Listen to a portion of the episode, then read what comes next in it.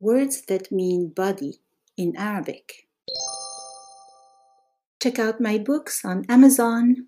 انظروا إلى كتبي في أمازون. جسم وجمعها أجسام. بدن وجمعها أبدان. جسد وجمعها أجساد.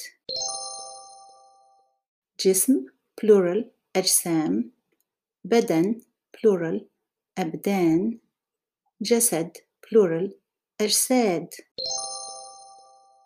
To say a dead body, we say جثة وجمعها جثث plural جثث.